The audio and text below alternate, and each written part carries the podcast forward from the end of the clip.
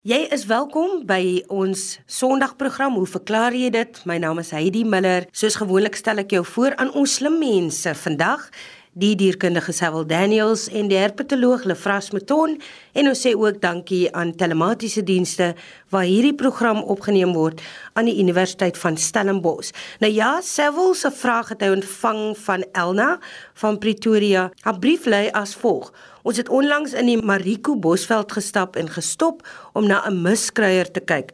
Toe ons opmerk dat die kleur van party van die bokdrolletjies bruin is. Dit was nog vars en dus nog nie ligter omdat dit uitgedroog was nie.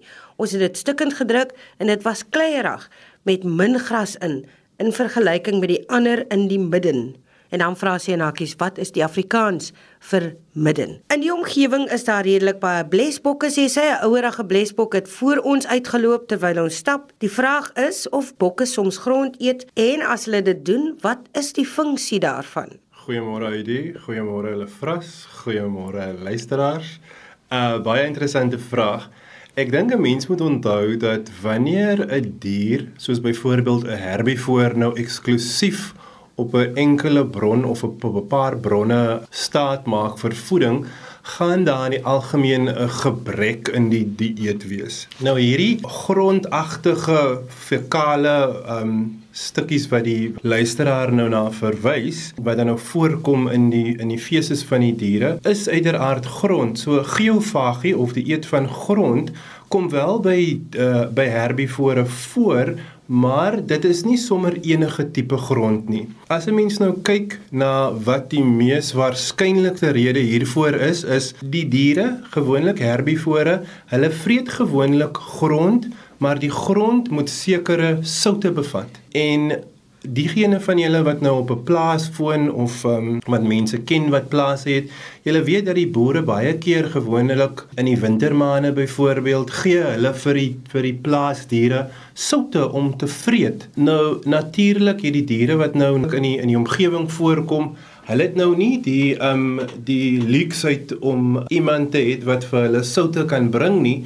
So hulle gaan dan nou na areas in die veld waar die soutte natuurlik gekonsentreer is. En dit is belangrik om te onthou dat uit 'n fisiologiese oogpunt as gevolg van die gebrekkige dieet wat die herbivore het hierdie soutlekke van kardinale belang is. 'n Mens moet nou ook onthou dat daar gewoonlik by hierdie soutlekke biometale teenwoordig gaan wees. Nou die biometale kan of mikrometale wees of makrometale en hulle is uiters belangrik van 'n fisiologiese perspektief uit omdat hulle baie sentrale rolle speel in die alledaagse fisiologie van die van die diere.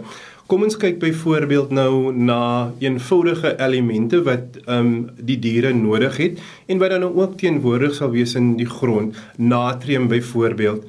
Natrium is nodig vir die senuweefunksie as ook vir spiersamentrekking, kalsium vir bene en tande as ook vir die spierontspanning en senuweefunksie, yster vir hemoglobien, sink byvoorbeeld vir spermproduksie en immuniteitsgesondheid fosfaat weer eens vir bene en vir tande help ook vir die suur 'n basisbalans in die liggaam te hanteer. Magnesium weer eens um, vir bene as ook vir spiersamentrekking en die funksie van die immuunstelsel maar dit is ook belangrik om daarop te let dat ja hierdie minerale is belangrik vir alledaagse fisiologiese aktiwiteite Maar by herbivore spesifiek wanneer die diere byvoorbeeld nou gaan vreet in 'n bossie of elders in die veld, eet hulle gewoonlik die apikale areas, die areas ehm um, die jong spruite. Ehm um, omdat dit sagter is, maar gewoonlik wat die plante ook doen is, hulle konsentreer fitogemikalieë in areas wat blootgestel gaan word aan herbivore aktiwiteite. Met ander woorde, daar's gewoonlik baie meer fitogemikalieë in die jonger gedeeltes van die plante. So baie keer gebruik die diere ook hierdie soutte om die fitogemikalieë te help neutraliseer. So dit het twee oorkoepelende funksies. Een om te help met basiese fisiologiese aktiwiteite, die soutte, maar die soutte kan ook gebruik word om die negatiewe chemikalieë wat in baie van die plantmateriaal voor te kan kom um die aksie van dit te inhibeer of dit te beperk sodat dit nie cellulêre skade by die dier aanrig nie. So dit is werklik die twee hoofredes hoekom daar uh, hoekom die diere van van soutte gebruik maak in die in die omgewing. Dit is ook natuurlik uit 'n sosiale oogpunt belangrik vir die dier, want baie keer gebruik soortgelyke diere gebruik dieselfde area, so dis amper soos 'n area van sosialisering waar die diere kan nou saamkom om weer mekaar te leer ken. So ja, daar's baie wat interessante aspekte. Lefras, ek sien jy het 'n uh, antwoord vir my. Ja, saamkom om grond te eet. Dit klink baie opwindend. uh Sevel duwe ek het hou mos nou duwe aan en dit is altyd vir my interessant wanneer die ouers kleintjies groot maak hoe hulle rondloop en dan op spesifieke plekke gaan pik grond uh veral as daar 'n plantbak is dan is hulle daar in die grond en hulle pik iets vir vaat so dit stem eintlik saam met met jou dat seker tye uh het diere sekere tekorte en hulle vul dit dan aan deur grond te eet. Maar Sewel, dis dalk 'n dom vraag. Hoe weet die diere wat hulle nodig het? Ek sou dink dat dit 'n instinktiewe gedrag kan wees, maar daar is ook ehm um, literatuur wat voorstel dat die diere die soutte kan ruik in die grond. So uit die aard van die saak is hulle nasale area baie goed aangepas om reuke te kan identifiseer en hulle moet dit ook kan doen want as daar nou 'n leeu byvoorbeeld is wat 5 km ver is, waar die diere moet kan ruik om opmerkings te kan maak of observasies te kan maak uit die omgewing uit. So ja, dit is 10-10-1 'n instinktiewe gedrag wat nou help om die dier fisiologies dan nou normaal voort te laat gaan. Jy luister na hoe verklaar jy dit saam met my die Miller? Ons het pas gesels met Sewil Daniels en nou behandel Lefrasmaton 'n vraag van Piet Nede oor duiwemelk. Hy het nog altyd gewonder oor wat presies duiwemelk of kropmelk is en wat verhoed dat duwe wat kleintjies grootmaak nie self die melk insluk of verteer nie. Die ouers moet tog self ook voedsel inneem en dit is hier waar die probleem lê, sê Piet.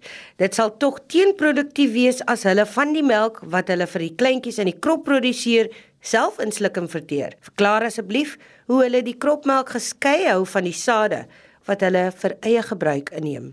Dankie Piet. Sewil en Heidi, ja, ek weet nie of julle veel weet van duiwemelk nie. Nou ek hoop ek kan vir julle bietjie vertel. Uh die meeste voëls het 'n krop. Dit is 'n verwyding van die slukdarm en dit dien as tydelike stoorplek vir die kos wat ingeneem word. En vanaf die krop word die kos dan nou deur peristaltiese bewegings geleidelik afgevoer na die voormaag of proventriculus. Hulle praat ook van die kliermaag en dit is waar vertering begin en daarna gaan die kos na die spiermaag of die ventriculus uh, waar dit fyn gemaal word veral by die saadvreters. Nou kropmelk is 'n sekresie van die wand van die krop ons praat van die mucosa van die krop dit is hierdie sekresie wat dan nou aan die ontwikkelende kleintjies gevoer word so vir die eerste week van hulle lewe. Nou kropmelk kom by alle duifsoorte voor en daarom staan dit ook as duiwemelk bekend. 'n uh, 'n analoog van kropmelk word ook in die keel van flaminke gekry en ook in die mannetjie, nie die wyfies nie, die mannetjie van die kuise pikkewyn. Hulle produseer ook uh kropmelk. Natuurlik as mense die woord melk hoor, dan dink jy dadelik aan soogdiermelk. Daar is baie min fisiese ooreenkomste uh met die melk van soogdiere. Anders as soogdiermelk is kropmelk 'n semi-soliede stof. Dit is amper soos maaskaas. Effe geel van kleur. Dit is dus baie belangrik is nie 'n vloeistof nie, is so meer van 'n vaste stof. En uh dit is baie hoog in proteïene en vette en 'n hele ander klomp baie belangrike faktore wat uh vir die jong uh, teenliggame en antioksidante ensovoorts ensovoorts. En ook sekere baie belangrike bakterieë. Anders as soogteemelk wat 'n emulsie is, bestaan kropmelk uit 'n suspensie van proteïenryke en vetryke selle wat van die mukosa laag van die krop loskom. Hulle daar word natuurlik ook 'n hele proliferasie of vermeerdering van sulke selle vind daar in die kropwand plaas. Nou baie interessant, ons weet dat by soogdiere, by die vroulike individue, die hormoon prolaktin speel absolute kernrol by die hele proses van laktasie. Nou by duwe en ook die ander voëls is dit dieselfde hormoon prolaktin wat hierdie hele proses van uh, kropmelkproduksie by mannetjies en wyfies aan die gang sit. Dit is beide, die mannetjies produseer ook uh kropmelk.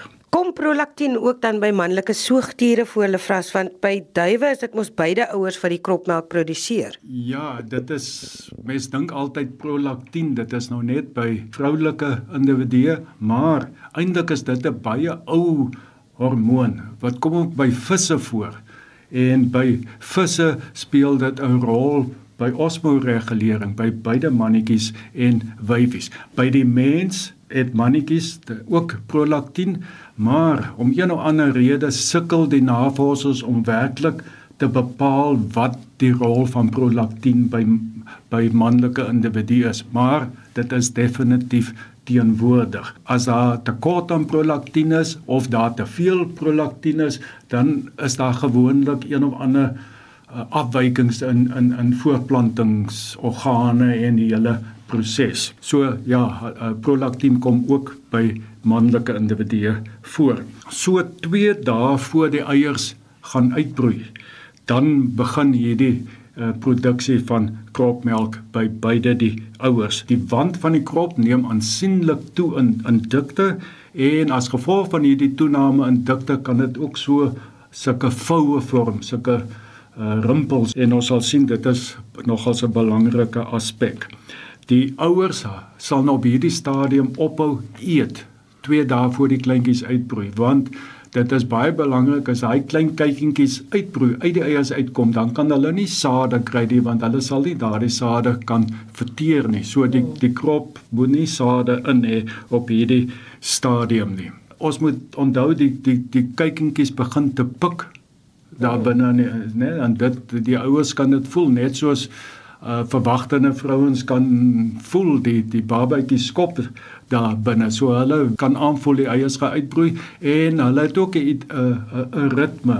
Die hulle weet min of meer dit is nou tyd waar die die eiers moet uitbroei. So die kykentjies word dan nou moet skoon kropmelk gevoer vir ongeveer die eerste week van hulle lewe, maar die ouers kan mos nie 'n week lank sonder kos bly nie. So hulle moet eet en dit is dan nou waar die probleem van Piet inkom. As ouers eet, hoe werk dit nou? Hoe hoe word die die sade in die krop hoe bly dit geskei van van die kropmelk? Ons moet dink ek onthou dat kropmelk is nie 'n vloeistof nie.